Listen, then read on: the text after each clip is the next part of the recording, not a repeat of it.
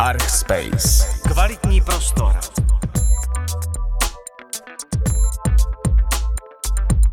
Vážení a milí internetoví posluchači, vítáme vás u jedenáctého dílu podcastu Archspace.cz za mikrofonem Martin a Jan. A dnes tady máme vzácnou hostku Veroniku Ruth Fullerovou. Ahoj Veroniko. Čau, čau. Ahoj. Veronika je brand specialistka a grafická designérka na volné noze. Eh, Chtěl jsem se tě zeptat, eh, vzhledem k tomu, že se nedávno vdávala, jak probíhal rebranding u tebe? Tak eh, rebranding, tak těch, krom těch 25 institucí, který člověk musí oběhat, když si chce změnit jméno, nebo kolik to je, včetně operátorů a takových srandiček, tak uh, asi úplně přirozeně, no, jsem si polepšila z Novákové na Fullerovou, takže za mě dobrý, no. Co bys poradila ostatním ženám, eh, které eh, se věnují kariéře a taky je čeká třeba taková tu velká změna? To já asi úplně nejsem v pozici, kdy můžu radit, já vůbec nevím, jestli to byl dobrý krok. Asi jo. Jakože... Uh, Já jsem nemyslel ohledně sňatku. Manželství, já jsem... Ne, ne, ne, jako, jako co se týče toho brandu, že jo, třeba to po 20 letech hodnotíš jako ty, ty rebrandy, kdy teda co bylo správně nebo, nebo špatně, teď se to ještě asi úplně nedá. Není to ale, manželství. ale to bych se vůbec netáhla. Ale jak na to odpovědět? Nebo já se tě zeptám, je, je pravda, že tvoje prostřední jméno Ruth si sama vymyslela? Je to jako nějaká tvoje taková umělecká uh, značka? Tak eh, je to spíš nouze. jako samozřejmě vzhledem k tomu, že Veronika Nováková jako rodný, rodný jméno není značka, že to nejde najít, nejde to vygooglit. Je to dobrý prostředek, jak se lidí zbavit, že vás jako nikdy nenajdou. Ale není to úplně brand, na kterým byste něco mohli stavět. Takže jsem potřebovala třetí jméno. Došlo mě to vlastně na vejšce, kde jsem měla v ročníku další Veroniku Novákovou, která dělala podobný obor, měla podobné vlasy, vypadala v podstatě podobně a musela jsem se podepisovat číslem, takže jsem si říkala, tak pokud chci jako mít nějaký, nějakou značku, tak s tím budu muset něco dělat. Takže jsem si vymyslela tohle. Já mám velký vztah k mytologii a religionistice, takže jsem jako sáhla někde tam a zároveň jsem nechtěla, aby to mělo třeba víc jak tři, čtyři písmena, takže ten výběr se dost jako zúžil a ty iniciály byly super. No, Vrn, to jako, to ke mně sedělo prostě, no. Teď jsem o ně přišla. Vrv? Vrv.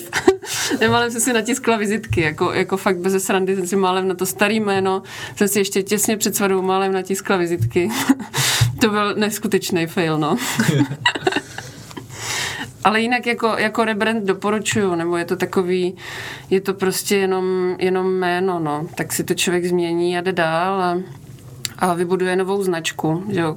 Katsushika Hokusai měnil jméno asi 630krát za život, ne? nebo kolikrát. Tam to bylo tradice, jakože vlastně si vydobíješ tu slávu a uznání a pak publikuješ dál pod jiným jménem a musíš vlastně znova si to vydobít. Takže jako pokud chce člověk zůstat dobrý, tak si to musí znova vybudovat, takže prostě je tam nějaká víra, že to vlastně neznamená nic, třeba těch posledních pět let a můžu teďka vlastně pět let zase budovat něco dalšího. Pracuješ na volné noze, ale nabíráš si na projekty různé spolupracovníky. Mm, Proč a jak je hledáš? Tak já si přiznám, že úplně nehledám, že vlastně je znám, protože jsem dlouho chodila na, na umělecké školy a to se kolem člověka prostě nabalí různý ty ročníky, ze kterých se rekrutují zase specialisti z různých oborů a taky se dost účastním společenského života. A, a vlastně to se tak nějak jako rekrutuje samo. Jo? Takže já vlastně si ty, já si ty lidi samozřejmě prověřuju časem a trvá to, než s nimi tu spolupráci navážu, abych jako uh, si byla jistá, ono to je jako mm, ten klient to většinou nepozná, protože já to třeba odedřu za toho člověka, ale prostě mm, jako put sebe záchovy potřebuji, aby ten člověk byl fakt prověřený, hmm. aby tam nedošlo na nějaký jako fail. Ale jinak jako se to tak plynule samo nějak vyvíjí, no. A je někdo třeba, kdo tě provází nebo tvou prací a prochází s tebou a třeba už od vysoké školy? Tak určitě, tam uh, z oboru jako v podstatě no s většinou lidí, se kterou jsem se bavila jakoby na vejšce, tak se bavíme pořád a nějak si třeba posíláme práce nebo různé typy, nebo a když nevíme, jo, když se člověk zasekne prostě v procesu, tak je potřeba to skonzultovat, tak jakoby si to takhle různě posíláme, takže tam třeba uh, Holíkovic, Ludmila Holíkovic, ta, ta má teďka značku ve standby kvůli dítěti, ale je to pro mě cená opora, no, určitě. Mm, okay. Na webu máš různé eh, insider joky, třeba hashtagy piju Pepsi pomalu nebo Fuller Life, které reflektují tvoji novou značku, tvého manžela. Eh, líbil se mi příběh tvé realizace pro Kofolu, kdy si vymyslela černouška Uga, eh, který zároveň vypadá jako silueta stromu, který nese ovoce pro ty šťávy jejich, což bylo asi taková jako nezamýšlená srandička, ale máš ve svých pracích nějaké easter eggy, tak kromě tady toho, to se vždycky vyvíjí tak nějak jako samo. Jo? To je, já jsem to nezamýšlela ani u toho UGA, tak to jsem prostě uh, v, tehdy v agentuře Grab Design jsem to dostala jako zadání, že jo? a to si člověk představí na začátku úplně, než si přečte, přečte ten brief, to já dělám často, že prostě než vidím to zadání, tak prostě mm, si něco představím a tak a tam zrovna to tak nějak zapadlo a dávalo mě to smysl, až potom, když jsem to teda konfrontovala s tím briefem, tak tak se zjistilo, že teda má být důraz na výrobu v Čechách, což se úplně jako nesešlo s tím Černochem, tak, tak jsme to pojali jako strom, jakože silueta, ale ne, byla tam jako silná ta mm, postava pana Uga, nebo někoho, jako vlastně i ti zaměstnanci tehdy, i třeba brigádníci, tak to tehdy jako brali uh, skvělý pro interní komunikaci, no, takhle, jako tehdy nějak startovala ta vlna proti imigrantům, takže veřejně se to úplně nekomunikovalo, ale interně super, jo, že to zarezonovalo a brali to jako takový pan Ugo by tohle nechtěl, prostě musíme to dělat takhle a takhle. jako bylo to docela srandovní a, a až mě to překvapilo, jo, že to vzniklo úplně samovolně a, a nebylo to v plánu. Takže ten humor není úplně plánovaný, ale ty si prostě nečteš zadání. no, tak každý to má nějak. Ne, tak jako, že bych se snažila tam dostat něco humorného, to tak vznikne, jo, prostě to tak si vymýšlíš a když to máš rád, tak to samo přijde, no. A je super, když to ti klienti docení třeba, mě to i překvapilo u toho Uga, že si to prostě vybrali, jo, zrovna to moje, jakože tak bylo to trošku ujetý, nebo je to prostě, nevypadalo to úplně tradičně a zaujalo, to, zaujalo je to jako na první dobrou, takže to mě potěšilo a to je jako základ toho, že má někdo nějak, nějaký vtip někde v, jo, v vlogu nebo tak, že mu to asi sedí jako osobně, jo, že ve výsledku prostě to vedení té firmy vždycky musí být určitě jako naladěný na tu notu a bez toho to prostě nejde. No. Podle čeho si vybíráš zakázky a co tě třeba odradí? Je něco, co když vidíš v tom briefu nebo ně, někde v zadání, tak automaticky jdeš od stolu? tak typicky veřejná soutěž nebo něco takového. Otevřená, skicovné zdarma. Jakože to je nesmyslno, to jako vůbec nedělám když třeba tender, tak eh, prozvaný třeba 4-5 účastníků, nějaký skicovný, ať se tomu fakt člověk může pověnovat. Jako vůbec mě nedává smysl to dělat zdarma a nechápu, proč se to vůbec vypisuje takové věci. A i ty otevřený, jo, že potřebují 300 verzí a ne prostě pět profesionálně zpracovaných verzí od někoho, koho napřímo osloví. Tam jako nechápu už ze startu tady takovýhle zadání, takže do toho bych prostě nešla. A potom samozřejmě nějaký třeba nereální věci časově, finančně, jo, že vím, že, že prostě to nejde, že za týden to logo nebude hotový, odevzdaný, nebo by bylo úplně v tristní kvalitě. A pokud ten klient to nepochopí nebo se nějak o tom nechce bavit, tak to nemá smysl, to by nikam nedospělo, takže asi v takových případech, no. Zmínila si, že stres z práce poznáš na žaludku. Jak s tím pracuješ? Tak momentálně mě bolí žaludek. Máš stres z práce? Mám, no, mám a, a přemýšlím nad tím vlastně, v loňském roce jsem nad tím přemýšlela nejvíc, protože jak mě odpadly spousty přednášek, prezentací a tak, tak se mi udělalo velice dobře. a je to jako k zamyšlení, no. Je Takže to... čím ten stres jako odbouráváš? Tím, že si na sebe kladeš jako menší nároky? Uh, no, pokud možno nikam nelozit, nedělat podcasty. Děkujem.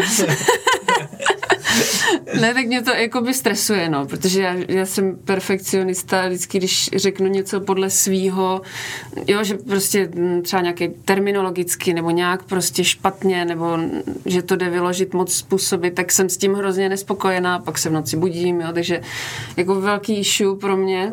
A jako, no zjistila jsem, že jsem žila vlastně mimo komfortní zónu několik let, docela jako drsným způsobem a moc to jako nebylo potřeba, no nejsi si jistá, jestli to k něčemu bylo. Takže jako dobrý, dobrý vlastně se občas zastavit a nějak se nad tím zamyslet, co vlastně člověk proč dělá. Já si jako vybírám hodně, jo, i u těch klientů, jo, prostě člověk vezme jenom malou část toho, co je mu nabízený. A stejně je to moc prostě. Stejně má člověk vždycky velký oči a říká si, tam musím být, jo, tam byl super lidi, jo, prostě tam, tam chci být a to, ale fakt je nutný to všecko brát jako práci, jako úplně všechno, přejezdy, jo, a nějak si to nadávkovat, aby se z toho člověk jako, jako nezbláznil, no. Moc to filtrovat teda neumím. Pořád. jako. Nakolik to souvisí s tím, že seš na volné noze? Hodně. Já nad tím přemýšlím právě, že asi kdybych byla zaměstnanec, tak možná bych byla strašně nespokojená a pořád nadávala, to těžko říct. Já asi nejsem typ úplně, co by zůstal zaměstnancem, proto jsem jim nezůstala, ale zase bych měla tu pohodu, já moc nevím, uh, jako v podstatě, jo, občas mám kolem sebe někoho, kdo třeba z té zaměstnanecké pozice přešel na tu volnou nohu a pochvaluje si třeba, jak si může dělat, co chce a tak. Já jsem to nezažila, protože já jsem byla na volné noze už jako hrozně brzo od Uh, já nevím, prehistorie, jo, prostě já jsem strávila v té reklamce hrozně málo času, asi 6 měsíců a pak jsem vlastně externě spolupracovala s několika reklamkama a byla jsem pořád už na volné noze. Jo. Pak přišli vlastně mý klienti jako, jako napřímo a od té doby jsem prostě na volné noze a nevím, co to je jako mít tu jistotu toho platu, to, to jako netuším, no, takže to asi nemůžu zhodnotit, no, ale jako pravděpodobně jo.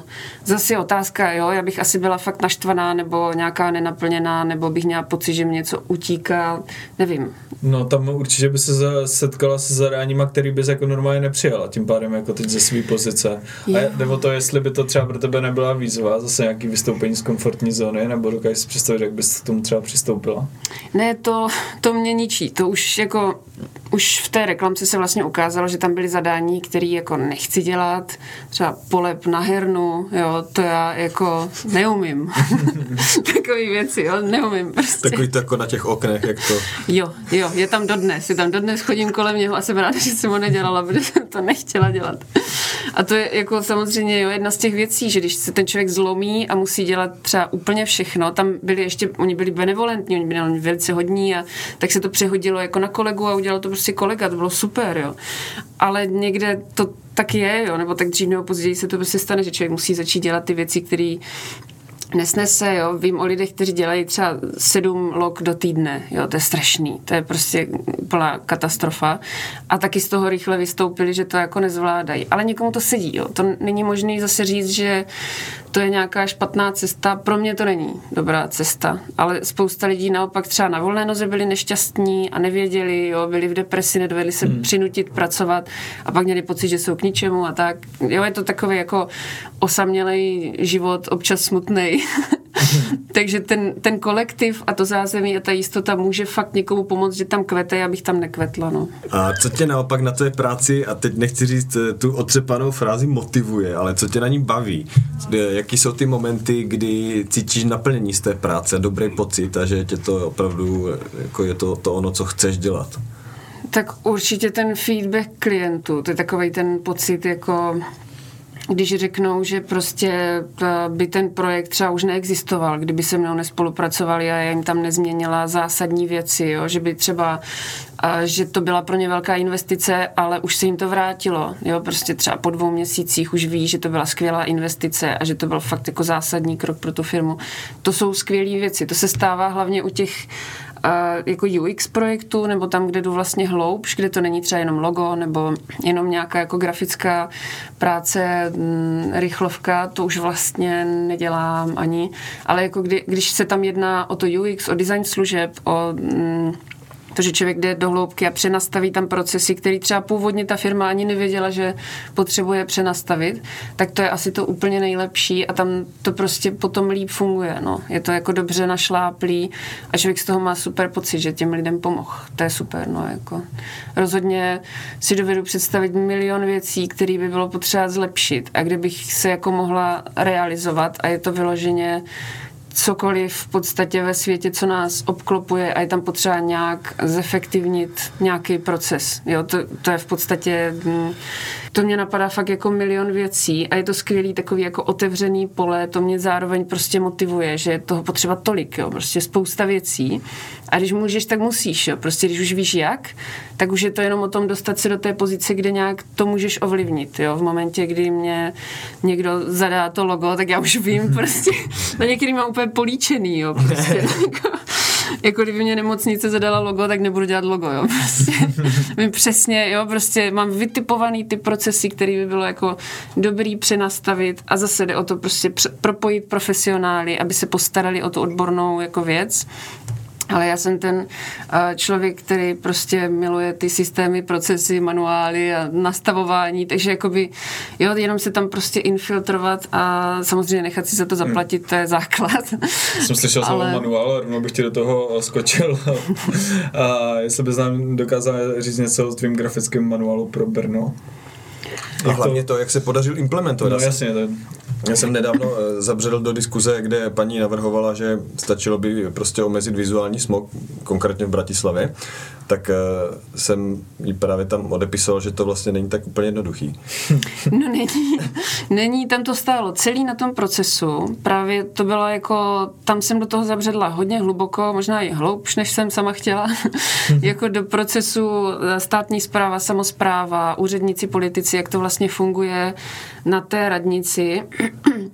A tam, tam to bylo zásadní, no. Člověk jakoby rozklíčuje ty procesy a teď najednou jakoby se přenastavují ty věci skrz diskuze s těma, co ty procesy mají na starosti. Jo, to znamená, že se sezvali k tomu stolu. Tam nešlo o implementaci po tom, co se to dělá, to znamená, ne, neudělal se manuál a pak se to nějak tam jako vkliňovalo, tam to právě vzniklo z toho, že se nejdřív zkoumaly ty procesy, jak tam kdo co má schvalovat, co se tam jak dělá a tomu se na míru dělal ten manuál. Takže jako v momentě, kdy to bylo dokončené, tak eh, jelikož to bylo prostě pro památkový, mm, památkovou péči městskou, tak uh, oni to vzali za svoje a už si školili vlastně tam uh, toho svého pracovníka ještě než uh, se to vůbec vydalo veřejně. Jo, že to bylo jako skvělý. Takže z tohohle pohledu je to jakoby implementovaný, ale šlo tam jako hlavně o to, potom ty věci jako uh, nějaký úzus nebo společný, uh, společný názor ohledně toho, jak by radnice měla pracovat s reklamou ve městě, co se týče uh, označování provozoven, tak jakoby společný názor uh, Národního památkové péče a té městské památkové péče a jakoby publikace toho směrem k veřejnosti a k těm obchodníkům. To byl ten důležitý moment. Ve výsledku toho chodí minimum těch žádostí, které by uh, neschválili jako samozřejmě jsou takový, ale zase, jo, jak ten obchodník, tak ten památkář se můžou o něčem bavit na základě něčeho, protože nějaký úzus existuje prostě nějaký jako dokument, kde je to shrnutý. Takže když vlastně neschválili, tak na základě čeho a můžou se to jakoby líp objasnit. Takže tam, tam šlo uh, primárně tady, tady o tohle. Nešlo tam úplně o novou legislativu, nebo že by se prostě nový nařízení, nebo to, to funguje přesně, jak to fungovalo, ale je v tom větší pořádek a přehled. Zatím si teda vysvětluje, že když Brno má teda návod na to, jak, jak pracovat s veřejným prostorem, dejme tomu v tom centru, jak si vysvětluješ to, jak to, tak vypa- jak to tam vypadá?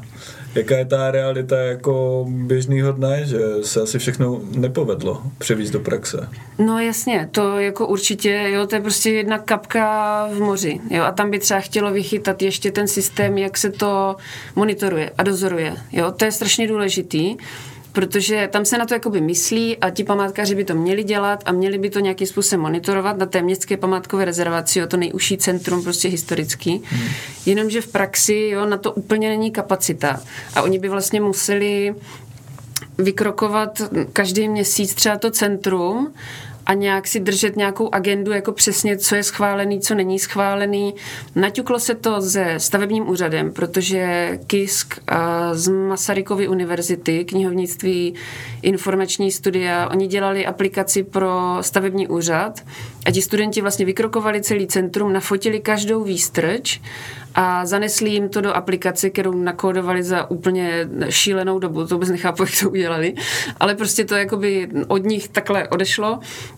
Oni tam uh, jakoby zanášeli ty data a ten stavební úřad měl šanci si v tom udělat takhle jako pořádek, že si tam dával neschválený nebo nedoložený povolení nebo schválený a podobně. Oni totiž zjistili, že se nějak ztratila dokumentace všech těch, oni jako musí tyhle nosiče prostě museli mít povolení a nějak se jim to ztratilo a na tom úřadě to neměli a kdo to nedoložil, tak to musel jakoby teda poslat tím schvalovacím procesem znovu. No, aby nad tím udrželi nějakou jako agendu a nějak to mohli monitorovat, tak se vymyslel tady tenhle nástroj a to je třeba pro mě jako taková možnost možnost, jak to rozvíjet dál, jo, že by se vlastně dalo tohle dejme tomu rozvinout, použít to i pro památkáře, třeba by v tom měli větší přehled.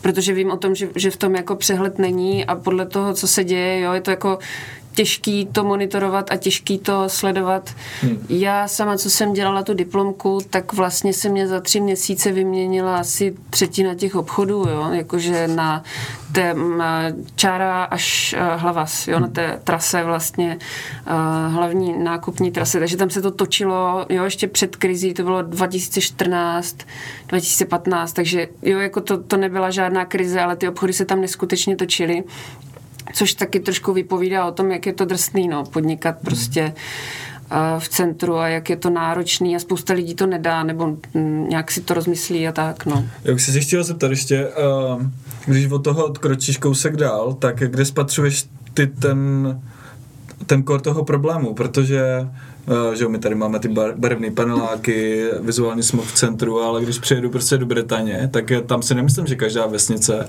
má svůj jako grafický manuál nebo návod na to, jak se chovat k tomu veřejnému prostoru. No oni tam taky neměli revoluci a neměli tam ty komouše, takže to je, to je jako docela zásadní část naší historie. Tak je to, že jo, součást nás, neseme si to tak nějak v sobě. Tady jde o to, že my se z toho musíme nějak vymanit, jo, že mm, bylo, byla jako represe, jo, prostě komouši, nemohlo se nic, pak z devadesátky mohlo se zase všechno, jo, a teď je vlastně nutný to nějak celý srovnat a zúčtovat a začít prostě systematicky pracovat s tou reklamou. Mm. Jo, že na tom západě tam, jako jednak tam mají ty regulace, tam bych se vůbec nedivila, kdyby tam byly třeba zakázané billboardy, jako jsou v Německu, jo, spousta míst a vlastně to člověk pozná, když přejede ty hranice úplně jako, jako z nuly na sto, jo, že vlastně ty billboardy úplně zmizí, prostě. Je jich velice málo, v Belgii jsou jenom a, maličký billboardy, které upozorňují na, na to, že má člověk jet pomalu, jo, tam nejsou žádný jako a, megabordy, nebo prostě neviděla jsem to tam nikde a mají to tam zregulovaný, takže jako na spoustě těch míst, ať to člověk třeba nevidí, jo, Londýn je zregulovaný město, hmm. prostě extrémně, ale nikdo to nevidí, protože jakoby ty regulace regulace, on se to spousta lidí bojí, to je taky ten důvod, proč je těžký to třeba zavést jo, politicky, protože lidi, jo, normalizace, to je hrozný, jo, prostě regulace, kam to půjde zpět, jo, budete mít zase komouše tady budeme mít. A nechápou, že to je vlastně normální a že ty prostory, které jsou zregulované, nevypadají, že jsou zregulované. Jo, toho si člověk jakoby nevšimne úplně na první dobrou. Teď je samozřejmě otázka, jak moc to regulovat, jo? nebo jaký tomu dát teda systém, jaký tomu dát řád, nějaký musí být. Jo?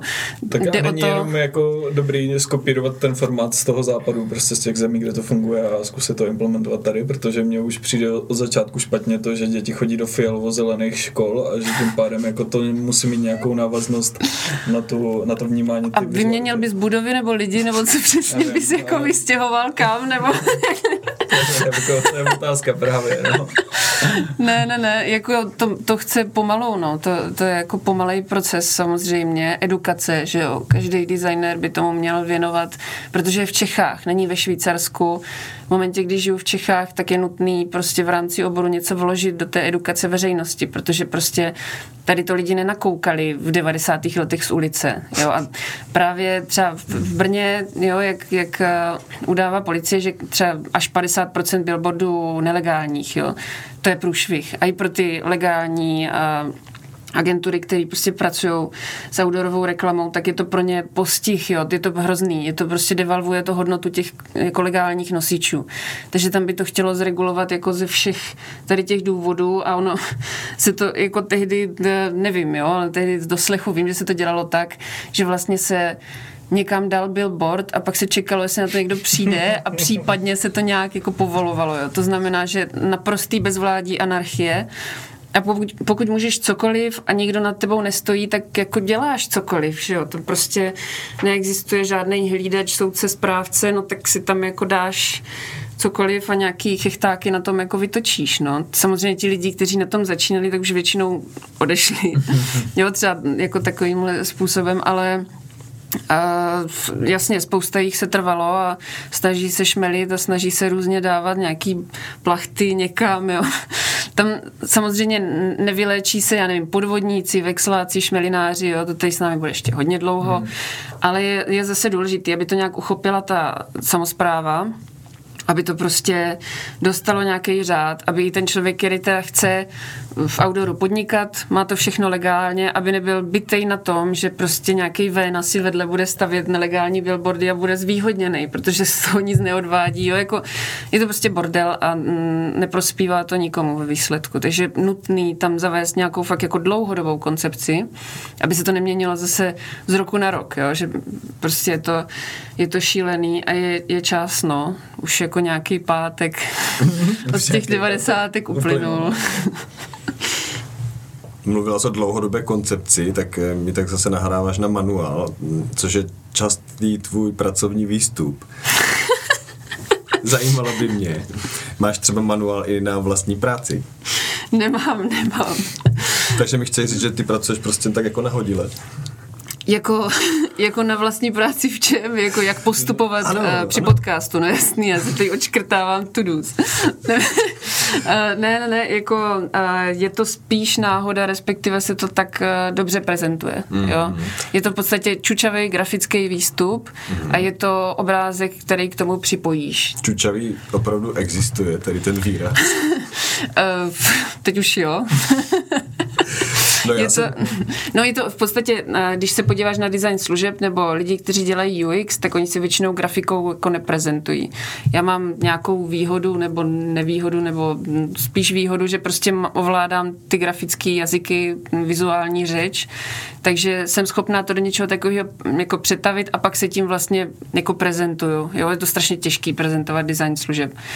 Většina lidí tam má prostě stěnu plnou postitu a nějaký zaměstnance, který školí, jo, že jakoby, takže klika, že jakoby, jo, se to uzavřelo do nějakého dokumentu, protože samozřejmě, když proběhne nějaký školení, když se tam třeba domluvíme s těma různýma lidma, jo, takhle to bude, tak není nic lepšího, než to uzavřít do nějakého dokumentu, na který zase, jo, corporate memory, prostě na to navážeš, vymezíš se vůči tomu, nebo nějak to posuneš, ale bez toho, jo, ti lidi, kdyby odešli, tak si to vezmou sebou do hrobu.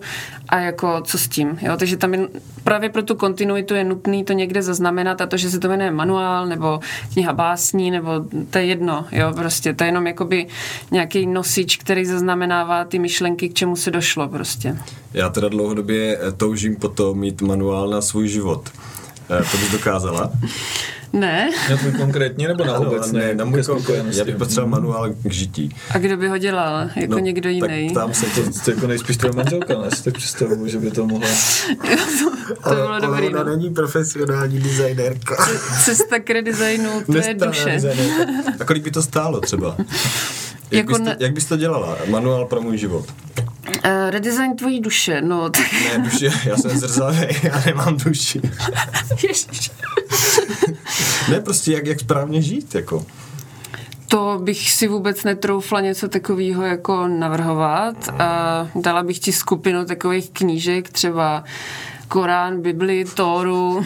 Mm, z toho bys to mohl nadefinovat. Mahabharata, něco takového. A to je to, že také old school, ne? Jako v dnešní době by mělo přijít něco jako modernější. tak tam je furt to stejný, prostě, no? jako. Tam je furt to stejný, když si přečteš nejstarší védský hymny, tak to je, jak kdyby to někdo napsal včera a řekl někde na TEDu. To, jako, to se nemění, jo. lidi se moc nemění, prostě ty příběhy se moc nemění a vlastně tady v těch knížkách se píše o, o tom, uh, co to znamená lhát, krást, podvádět, šidit, co to třeba přinese nebo nepřinese, jak se s tím popasovat, když ti to někdo udělá. A je to jako, já nevím, obrovská knihovna plná různých jako morálních nebo etických věcí jo, a člověk si z toho tak nějak vybere, jo, pak, pak no. se mu hádají ty čtyři hlavy v hlavě. No. Právě, to bych chtěla si řadit do takového jako 20-stránkového graficky pojatého manuálu. Je jenom obrázkem. jenom piktogramy, jako. tam bych to... Přiškrtlej alkohol, každopádně. No, třeba. jako. Dobře, tak můžeme pokračovat. Ale to by, mě, to by mě lákalo, no, jako udělat prostě tady tyhle, to, to nejde udělat jako piktogramy, to jsou, to jsou třeba věci, které jsou pět tisíc let starý, ale jsou velice abstraktní a velice filozofický, takže tam ty ikony nefungují. Jo? No to je jako asi jeden z důvodů, proč se roz, rozvíjelo písmo, že tam zaznamenáš složitější myšlenky tak než zase, tou ikonou. Ale, ale třeba jako chrámová ikonografie, výzdoba chrámu vlastně funguje podobným způsobem, že jako převedení těch myšlenek do obrazů. No to ani ne, právě. Zvlášť dobách, kdy lidi neuměli číst, tak přišli do kostela, tam to okoukali, ne? To právě ne, jako to, to znám, to je jako Bible chudých duchem, se tomu říkalo, že jsou tam ty příběhy jakoby ilustrovaný, jenomže na základě toho prostě, to, to je strašně zajímavá věc, že a, na základě koncilu, kde se hádali vlastně, jestli může zůstat a, třetí přikázání v Bibli nebo ne, jako v katolické, prostě katolická církev. Jaké je třetí přikázání? Uh, nezobrazíš si Boha s podobením ničeho na zemi, na nebi a tak. Jenomže přišel ten Ježíš a bylo to o tom, jako můžeme teda namalovat Ježíše nebo ne, takže je to boží syn, tak co s tím, jo, prostě. A je to teda modlářství nebo není, jo. A vlastně tím, že se to povolilo a tehdy se řeklo, jo, můžeme prostě je to boží syn, to, to přikázání se vyhodilo a z toho posledního si udělali dvě, aby zůstalo deset. To je docela jako vtipný, že to prostě uh, takhle tam jako najdeš uh, v té Bibli, ale to je jedno. Uh, spíš se jako na základě toho rozvinulo evropské malířství figurativní, protože jinak bychom tady měli jako, jako v islámu nebo v synagogách, jo, že je vlastně zakázaný spodobování postav. Takže na základě toho se rozvinulo, jo, prostě všechny ty monilízy, všechny tady ty věci, nic z toho bychom neměli, ale zase bychom třeba neměli to spodobení Boha jako dědečka, který má spousta lidí teďka v hlavách, když se s nimi o tom chceš bavit. Jo, že vlastně to extrémně ovlivňuje, ten vizuální jazyk extrémně ovlivňuje to, co ty si myslíš, jak to ve výsledku chápeš a jak s tím potom pracuješ. Takže když uh, to máš v textu, tak je to abstraktnější a mnohem vlastně lepší, než když tomu dáš tu konkrétní podobu. Jo, teď mě tady začnou kamenovat fanoušci Michelangela, který je autorem toho krásného stařečka se stvořením světa, jo, jak tam je prostě uh, stařeček a Adam, ale jako za mě to byla chyba, no. Já bych radši tu typošku třeba v těch kostelech. Že ne, to, to, to, to nemůžu. To byl omyl vlastně. To pak radši vystříhněte. Vystříhnu kapli celou. Po, po devíti letech na studia dějin umění, já bych radši tu typografii.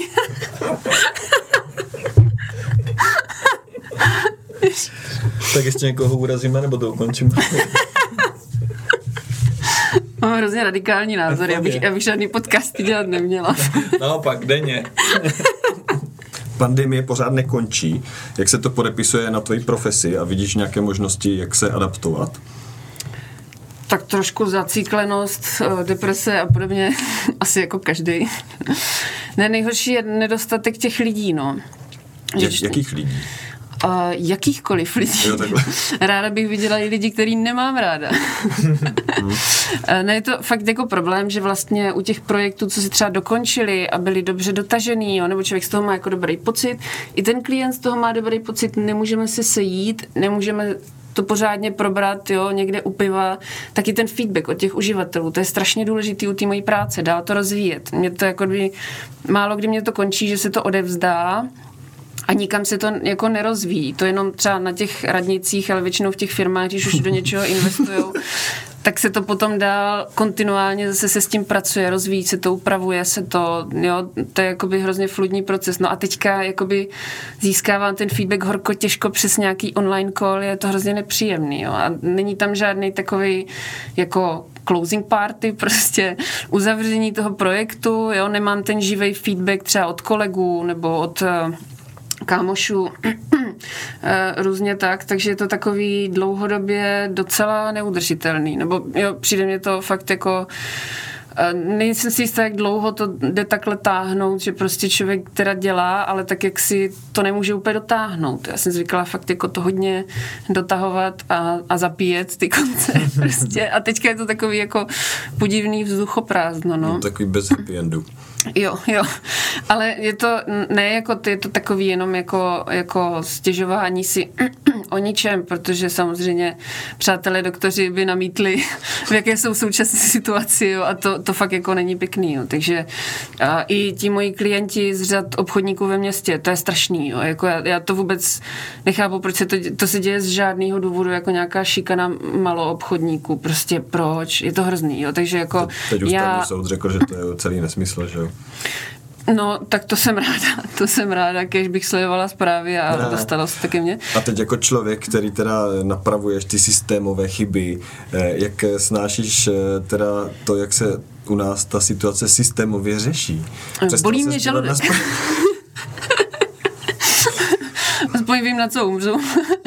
ne, to, to je jako hrozný. A já jsem nad tím přemýšlela, že vlastně, když že ho narazíš na tu reklamu, v té reklamě ve veřejném prostoru se nějakým způsobem vizualizuje ten nedostatek v systému a nedostatek prostě ve státní správě, jo, v samozprávě, různé věci a to se prostě vizuálně propíše do toho města, proto je tam takový bordel. A vlastně mi nedošlo, kolik, jako kolik lidí na to může třeba umřít v případě, že přijde taková jako pandemie. Jo, že to bych asi, asi bych byla na poplach ještě víc, aby, asi bych prostě, já nevím, chodila s transparentem prostě hmm. každý den, ať okamžitě... Konec světa se blíží. Jo, jo, ať, ať je možný připravovat vakcíny, aniž by se ztráceli, jo, prostě, ať existuje systém, ať je to prostě víc jako líp funkční, jo, protože samozřejmě zase, jo, to je ten můj obor a já prostě jak mě to baví, tak zároveň mě to zavazuje. Je to prostě, když víš, že s tím můžeš něco udělat, tak musíš. Jo? Je to prostě strašný to sledovat tady tohle. A teď jakoby těžko říct, jo, čekat, až to přejde a teď prostě potom nějak se snažit a tlačit a už lidi budou teda chápat, že je to potřeba, nebo uh, je, to, je to takový jako ne, nepěkná vizitka a dost takový jako svíravý pocit, no, že to tady takhle nefunguje jako do takové míry, že je to až tak špatný, že to není jenom v té reklamě, že je to prostě úplně jako v podstatě ve všem kromě finančáku ten, ten funguje, že? Ale jako jinak, uh, jinak jako uh, Jo, je to prostě potřeba to tady nějak zresetovat a chtělo by to armádu velice schopných eh, lidí, kteří jsou proto nadšení a, a budou chtít na tom jako participovat, no. To je, ze mě mluví ti, ti lidi, kteří mě v těch devadesátkách vychovávali. To bylo prostě to nadšení, já jsem to dostala ve škole, takže já prostě zase mám tu vlajku prostě. Tak my tím moc děkujeme za návštěvu a popřejme si všichni, aby to tady dobře dopadlo a aby třeba ty se byla mezi těmi nadšenými, kteří to tady napraví a e, navedou na správnou cestu. Hmm. No, tak to, do konce života si dávám třeba dvě kapky, že se mi povede nějak jako v rámci toho systému změnit. A to je velká naděje. Já jako zase z každého malého úspěchu jsem nadšená, takže jako to je asi dobrý. No. Díky moc za pozvání a příště bez roušek a u piva. ne? Skvělý, budeme se těšit. tak fajn. Čau. Čau, čau. čau. Archspace. Kvalitní prostor.